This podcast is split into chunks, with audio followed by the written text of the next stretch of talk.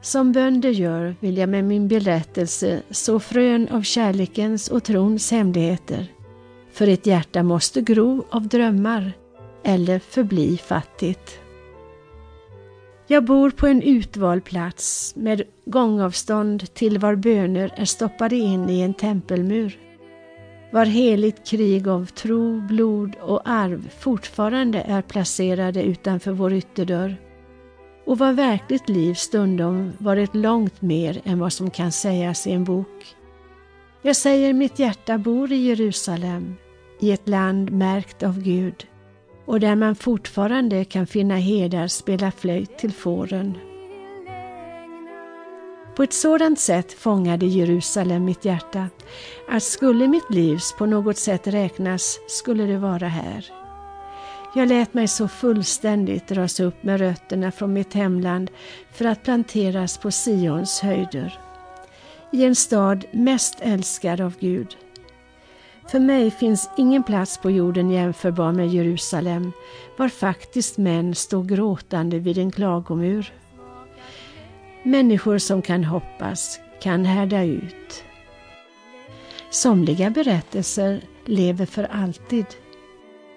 Även om dess tempel fortfarande ligger i ruiner byggs alltjämt det jordiska Jerusalem åter upp. Och här kommer dess historia att vända sitt mest anmärkningsvärda blad. Jerusalem är inte längre övergiven, men kampen om henne är hård. Stötestenen en hel värld bråkar om. Sion betyder märkt av Gud och har som land och nation profetisk framtid. Sion är också Jerusalem.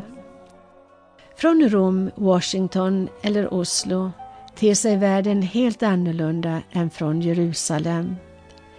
Här har jag lärt mig att inte ta in på vilken väg som helst och inte sålla min skörd i varje sorts vind och att vara försiktig när fienden talar honung. Helt klart, den som lär dig vad ont är bedrar dig och när ondskan säger jag ska förgöra dig är ditt försvar inte en skam utan ett ädelt måste. Man lever bara en gång här på jorden och inför lidandets mysterium allt jag kan säga är att Gud hör när människor gråter. Han känner till vilka djup en själ måste navigera.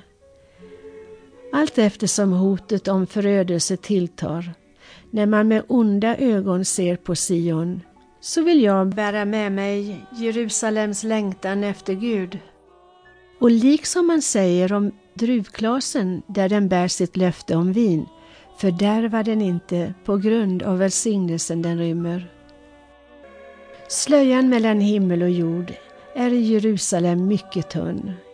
Det liksom vilar en stad ovanför och ibland rör vi vid varann.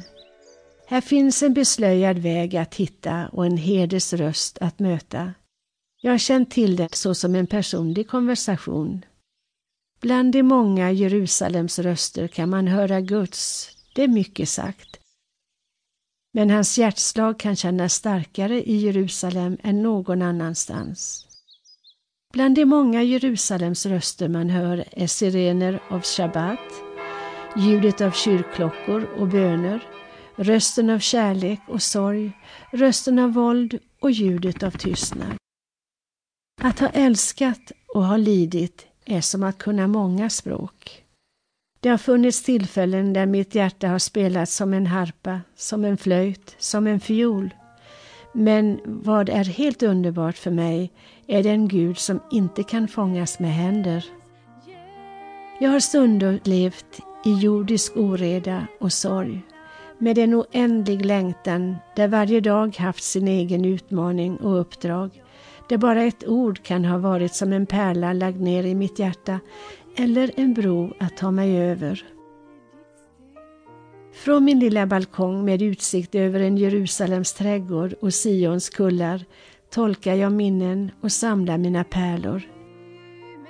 När jag tänker på mig själv, vem och vad jag är, mest sannolikt är att jag liksom fallit mellan stolarna. Inte längre verkligt svensk eller helt israelisk, allt vad tygen håller kristen.